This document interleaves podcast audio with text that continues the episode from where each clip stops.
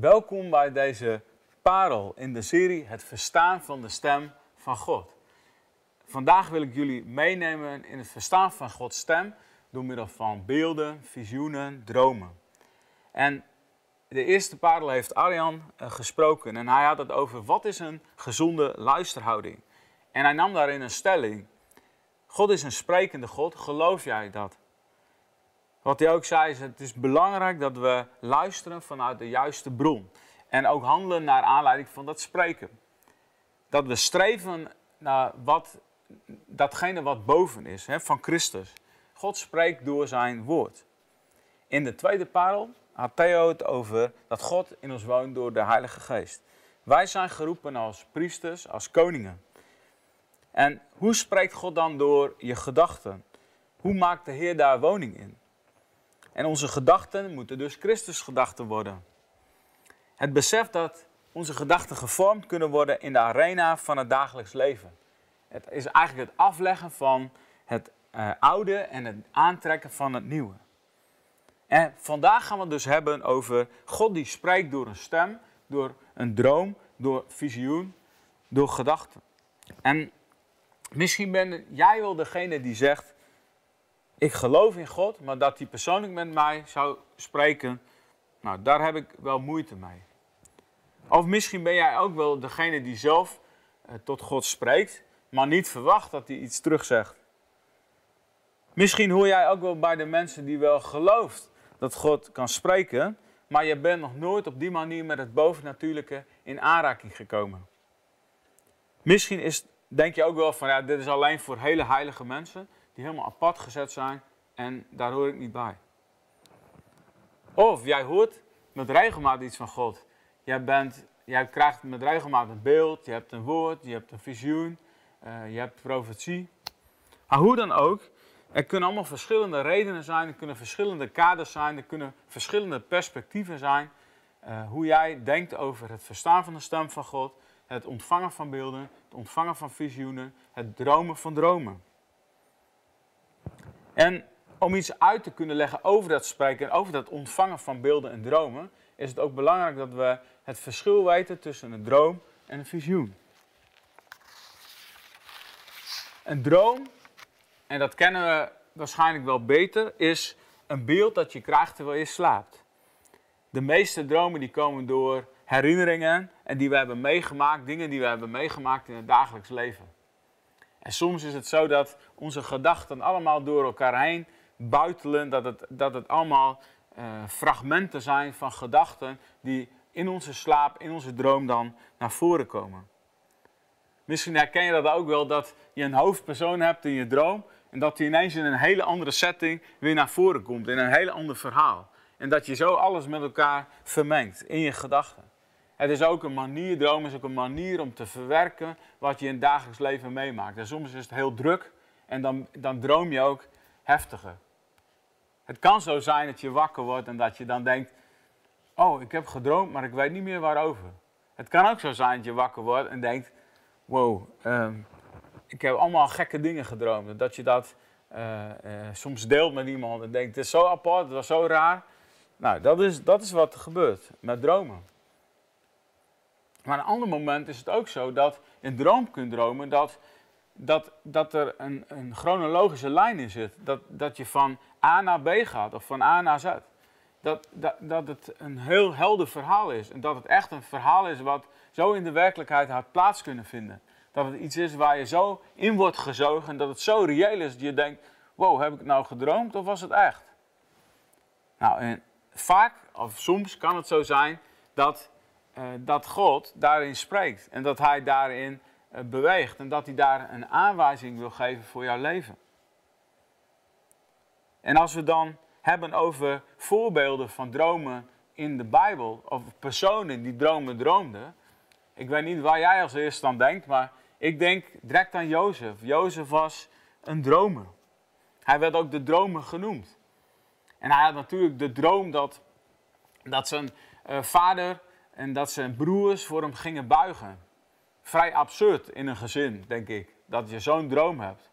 Dat werd hem ook niet in dank afgenomen. En het ging zo ver dat Jozef zelfs verkocht werd als slaaf Hij werd naar Egypte geleid. En ja, dat was gewoon een heel heftig verhaal. Maar uiteindelijk zien we dat Jozef toch, dat die droom werkelijkheid werd. Dat hij onderkoning werd van Egypte. En toen er een zware hongersnood werd, was het zo dat, dat de broers en zijn vader daadwerkelijk voor hem bogen. En dan had hij dat toch eh, bij de rechte eind gehad. Hij had het gedroomd. En ik geloof dat het een droom van God is. En dat lezen we ook in het woord. En dan kennen we ook nog het verhaal van Jozef met de schenker en de bakker.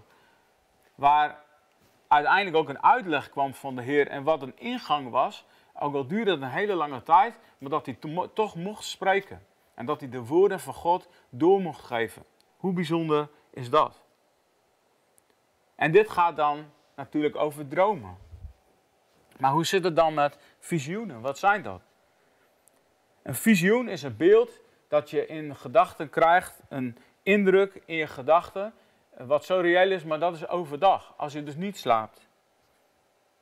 Een visioen kan komen uit de ziel van een mens, maar soms is het ook gevoed door iets duister, duisternis. En er is dus onderscheiding voor nodig uh, wat, wat, wat het is. Is het uit de ziel van de mens? Is het uit duisternis? Of komt het inderdaad van God? Wat, hoe werkt dat met een visioen? Het is daarin natuurlijk belangrijk dat we verbonden zijn met de juiste bron. Ook in de Bijbel hebben we voorbeelden van visioenen. Ezekiel bijvoorbeeld werd in een gezicht naar Jeruzalem gebracht. En ook het verhaal uit Handelingen van Petrus, waarin, hij, waarin een kleed naar beneden kwam, waar reine, onreine dieren waren. En waar God tegen hem zei, slacht en eet Petrus. Want wat ik rein heb verklaard, mag jij niet onrein verklaren. Ook een prachtig, bijzonder verhaal. En we kennen misschien ook allemaal wel voorbeelden uit het dagelijks leven. Waarin bijvoorbeeld iemand op een sterfbed ligt en een visioen krijgt van het hiernamaals, van hetgene wat na dit leven gaat komen. Soms is dat ook weer donker en geeft dat angst. Een ander moment is dat licht en prachtig en zien mensen soms beelden van de Heer Jezus of van de hemel. Dus een droom is als je slaapt en een visioen is als je wakker bent. En beide hebben de overeenkomst dat als het komt uit de geest van de Heer, dat God daarin iets wil duidelijk maken aan de mens. Eigenlijk is het zo dat het bovennatuurlijke daarmee de aarde gaat raken.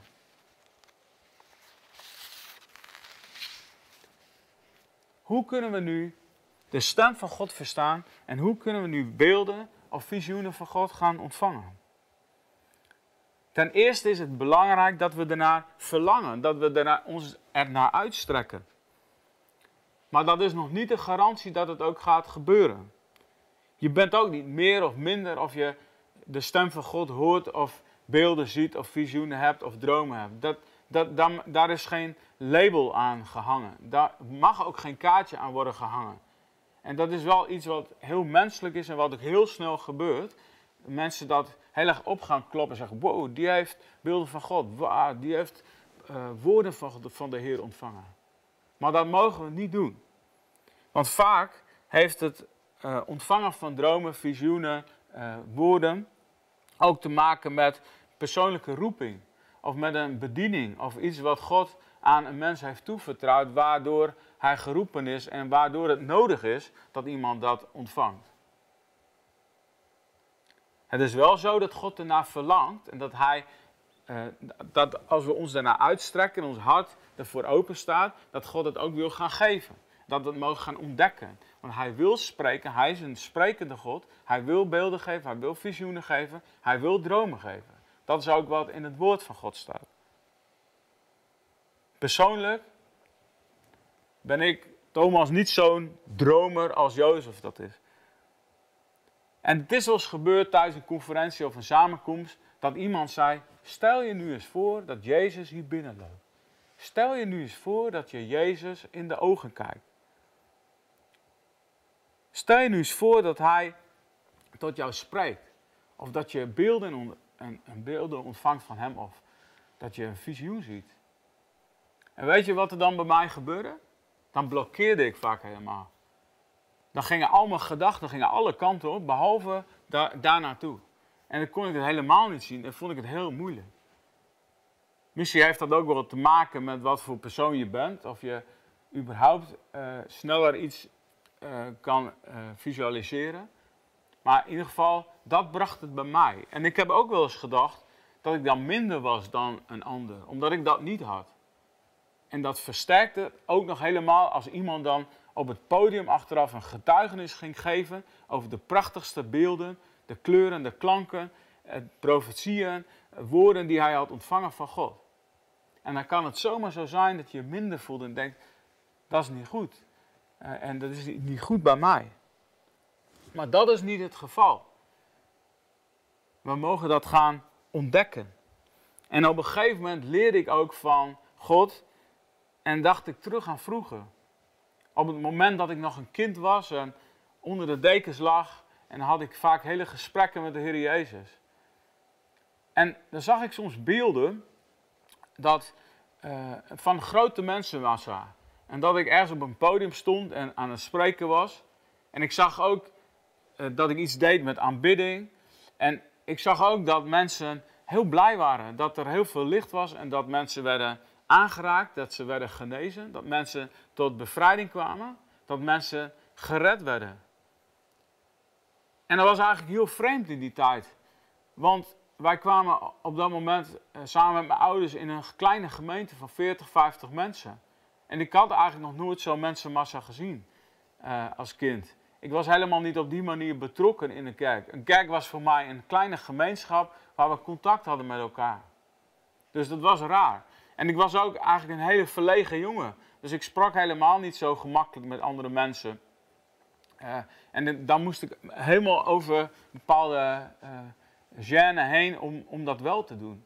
Dus dat was helemaal niet logisch dat, dat ik dat droomde en dat ik dat dacht. En later kwam dat dan ook weer terug in mijn gedachten. En God herinnerde me aan die gedachten en aan die dromen en aan dat beeld. En wat ik ook wel gezien heb, is een gedeelte van, van, van, dit, van deze droom al wel uitgekomen is. Ik heb later, toen ik geen kind meer was, momenten meegemaakt dat ik gezien heb dat dit, dat dit werkelijkheid was. En soms dacht ik dan wel even terug aan die droom. Maar ik geloof ook nog steeds dat het beste nog gaat komen. En de grote mensenmassa's waar ik echt in geloof, die tot geloof gaan komen, dat het nog gaat komen. En de genezingen en de kracht van de Heer, dat het uitgestort gaat worden over de aarde, dat het nog gaat, gaat komen. En waarom? Omdat ik het gezien heb en omdat ik geloof dat het van de Heer is. Een ander voorbeeld. Onze oudste zoon, die kwam eens met een verhaal toen hij nog maar vijf jaar oud was. En, hij, en het was een moeilijke periode, dat hij dacht dat zijn opa zou sterven. En daar maakte hij zich ook zorgen over. En hij vertelde op een gegeven moment toen hij wakker werd, s morgens, ik heb de Heer Jezus gezien. Wij zeiden, oh, oké. En hoe zag hij er dan uit? Ja, hij was helemaal wit en hij straalde. En wat zei de Heer Jezus dan tegen jou?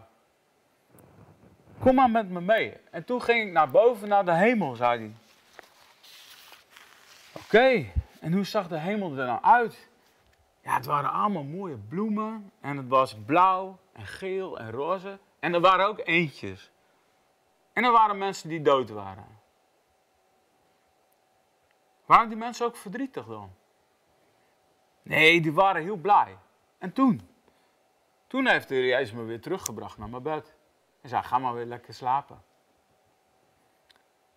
En mijn vrouw en ik maakten ons toen best wel een beetje zorgen. We dachten, oeh, hij zou toch niet sterven, dat hij daarop voorbereid is.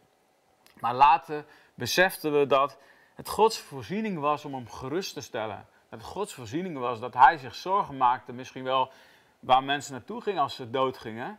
En dat, en dat Jezus eigenlijk zelf zei van, maar kom maar, ik laat het je zien. Ik laat het je zien. Zo prachtig mooi. En misschien heb jij, en herken je dat wel, heb je ook wel dromen gehad als kind. En heb je dat helemaal een beetje weggestopt.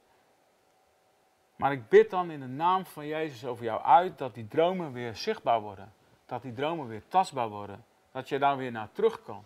Dat je dat weer, dat dat weer terugkomt in jouw herinnering. In Jezus' naam. Dat het opnieuw gaat leven dat je erin gaat geloven en dat je er ook naar gaat handelen. Omdat ik geloof dat het heel vaak van God is. En in dat geloof en vanuit die droom mag je dan ook de stappen gaan zetten.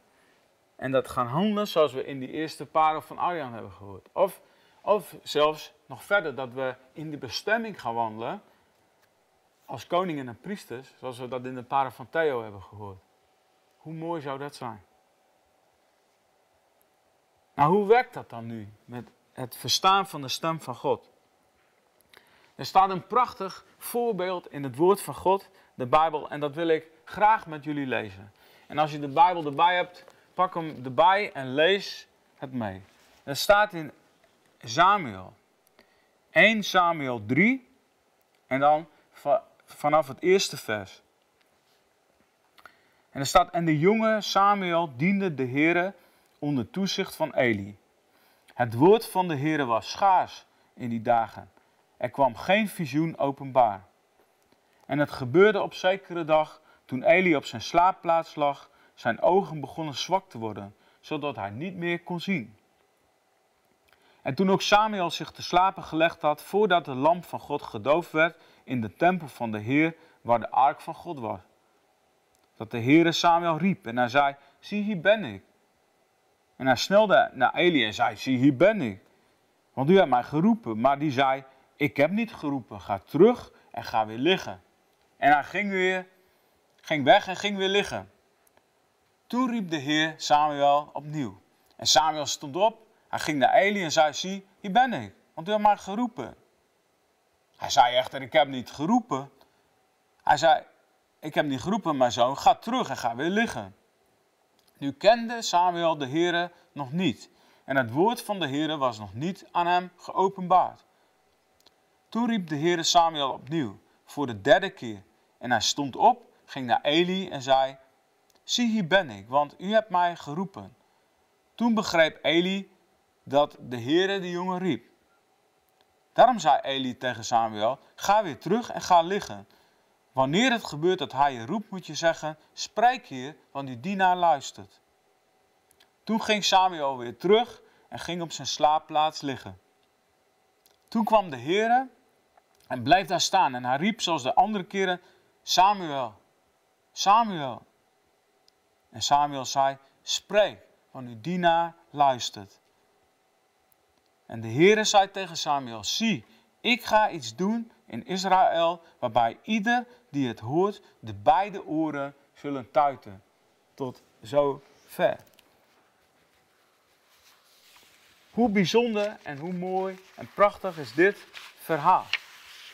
En er zitten een paar hele belangrijke principes in dit verhaal. Ten eerste was het zo dat Samuel nog niet de stem van de Heer kende. Hij wist niet hoe dat werkte. En misschien had hij er ooit wel eens wat van gehoord, maar dat was niet aannemelijk vanuit de omgeving. Want we lezen hier ook dat er was geen visioen openbaar in die tijd. En toen werd Samuel tot drie keer toe geroepen. Samuel, Samuel. Je zou dus eigenlijk kunnen zeggen, die stem van God, die lijkt op de stem van Eli. Heel natuurlijk, heel menselijk en het kwam ook heel dichtbij. Misschien heb jij de stem van God wel vaker gehoord dan je dacht. Misschien heb je het wel vaker. Uh, misschien was het wel dichterbij dan je ooit dacht. Maar herken je het niet, of herken je het nog niet? Wat we ook zien als een tweede principe in dit verhaal, is dat Samuel was op de plaats waar God regeerde, waar de ark van God was. De tegenwoordigheid van de Heer. En de ark was een grote kist. En daar zaten twee draagbomen aan. Er lagen een aantal elementen in. Daar zal ik nu niet op ingaan. Maar op het deksel van de ark, het verzoendeksel, daar stonden twee gerubs. En gerubs zijn engelen. En die stonden zo met gebogen vleugels, stonden ze zo tegen elkaar aan. En op die vleugels, van die, bij die engelen, rustte de tegenwoordigheid, de Shekinah-glorie van de Heer. Het was een zeer krachtige aanwezigheid als je in het heilige der heiligen binnenkwam. En Het mooie was, op deze plek lag Samuel in alle ontspanning te rusten in de tegenwoordigheid van de Heer. Hij was op de plek bij de Heer. Dat is het tweede principe. Rusten en ontspannen zijn in de tegenwoordigheid van de Heer. En het derde principe is dat toen Samuel van de Heer, of toen Samuel van Eli hoorde dat het de Heer was die tegen hem sprak, nam hij ook een houding aan om te luisteren. Je zou ook kunnen zeggen, hij stelde zich open om het woord van de Heer te kunnen horen. Hij verwachtte dat de Heer weer zou spreken en dat hij tot hem zou spreken. En hij wilde daar ook naar luisteren en hij wilde daarnaar handelen, want hij was een dienaar, staat hier. Dus het is belangrijk om te luisteren, om te horen, om te luisteren en te handelen. Dus drie principes. Eén, is de stem van God is veel vertrouwder en dichterbij dan we vaak denken. En twee, als we de stem van God willen horen, is het belangrijk dat we zijn in de tegenwoordigheid van de Heer. En vroeger was het de ark eh, die we nodig hadden, maar tegenwoordig hebben we de Heilige Geest. De Heilige Geest als die, als we Jezus als offer hebben geaccepteerd in ons leven, als we Jezus offer hebben geaccepteerd, als we de Heer Jezus hebben binnengelaten in ons leven, dan heeft de Heilige Geest inwoning gemaakt, zegt de Bijbel. En dan, zijn, dan kunnen we op die plek zijn waar we een tempel zijn van de Heilige Geest. En in die tempel zijn we in de tegenwoordigheid van de Heer. En kunnen we op de plek zijn in de tegenwoordigheid van God. Dat is twee. En drie, vanuit die aanwezigheid, vanuit die tegenwoordigheid, mogen we dan een houding aannemen om te luisteren. Om te horen en om te handelen. Dat God ook wil spreken en dat wij zeggen van, zie hier, uw knecht hoort. Er zijn ook mensen die zeggen, iedere gedachte of beeld wat ik dan krijg op zo'n moment, in zo'n atmosfeer, dat is van God. En dan durven ze soms ook nog wel te zeggen, zo spreekt de Heer. Maar dat is niet altijd zo. Want daar hebben we de geest van onderscheid voor nodig. En we mogen ook echt leren wat van God is en wat niet van God is. Een beeld, een woord, een visioen, dat kan dus komen uit de geest. En in onze geest komen door wedergeboorte, dat we spreken vanuit onze geest, dat het de Heilige Geest is die onze geest heeft vervuld dan kan het vanuit God zijn. Maar het kan ook voortkomen uit onze menselijke ziel, onze gedachten, gevoelens. Het kan uit onze lichamen komen, dat we lichamelijke waarnemingen hebben. En dan is dat niet direct van God. En het kan ook komen uit het bovennatuurlijke, wat niet van God is. Dus er zijn verschillende mogelijkheden. Ik wil met jullie lezen nog 1 Korinthe 12. 1 Korinthe 12 en dan vers 8. 1 Korinthe 12, vers 8. En dit gaat eigenlijk ook over um, uh, de gaven van de geest. Ook voor de gemeente, ook tot opbouw van de gemeente.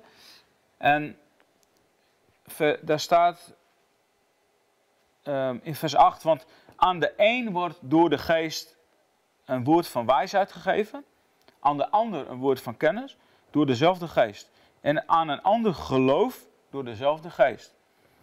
En aan een ander genadegaven van genezingen door dezelfde geest. En aan een ander werkingen van krachten. En aan een ander profetie. En aan een ander het onderscheiden van geesten. En aan een ander allerlei talen. En aan een ander uitleg van talen. Al deze dingen echter werkt één en dezelfde geest die aan ieder afzonderlijk uitdeelt zoals hij wil. Heilige Geest geeft de gaven. Door de geest komen beelden, door de geest komt profetie. Door de geest komen dromen.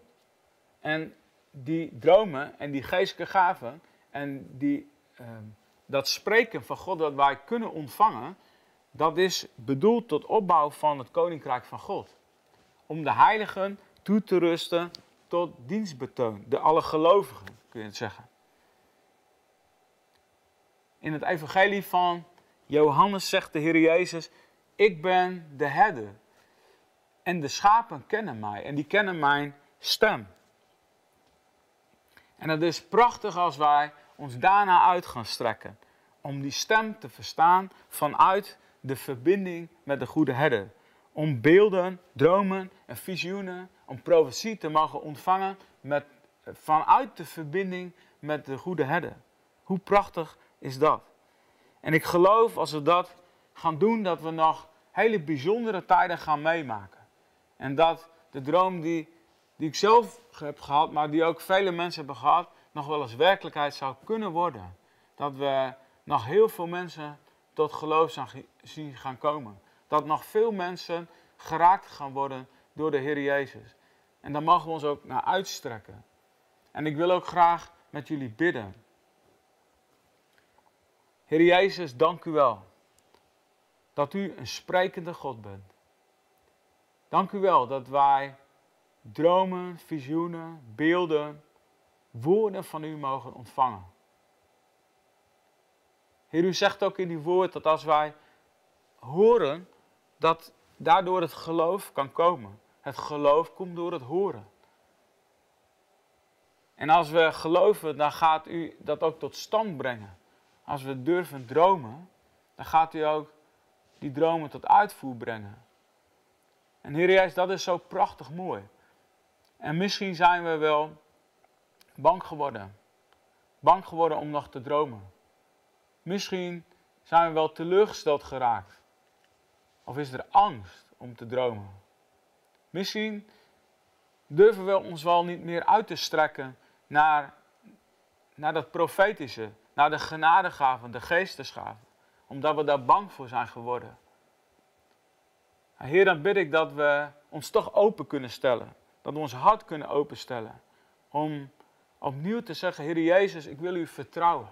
Heer Jezus, ik wil uw leiderschap vertrouwen. Heer Jezus, ik wil mij aan u overgeven.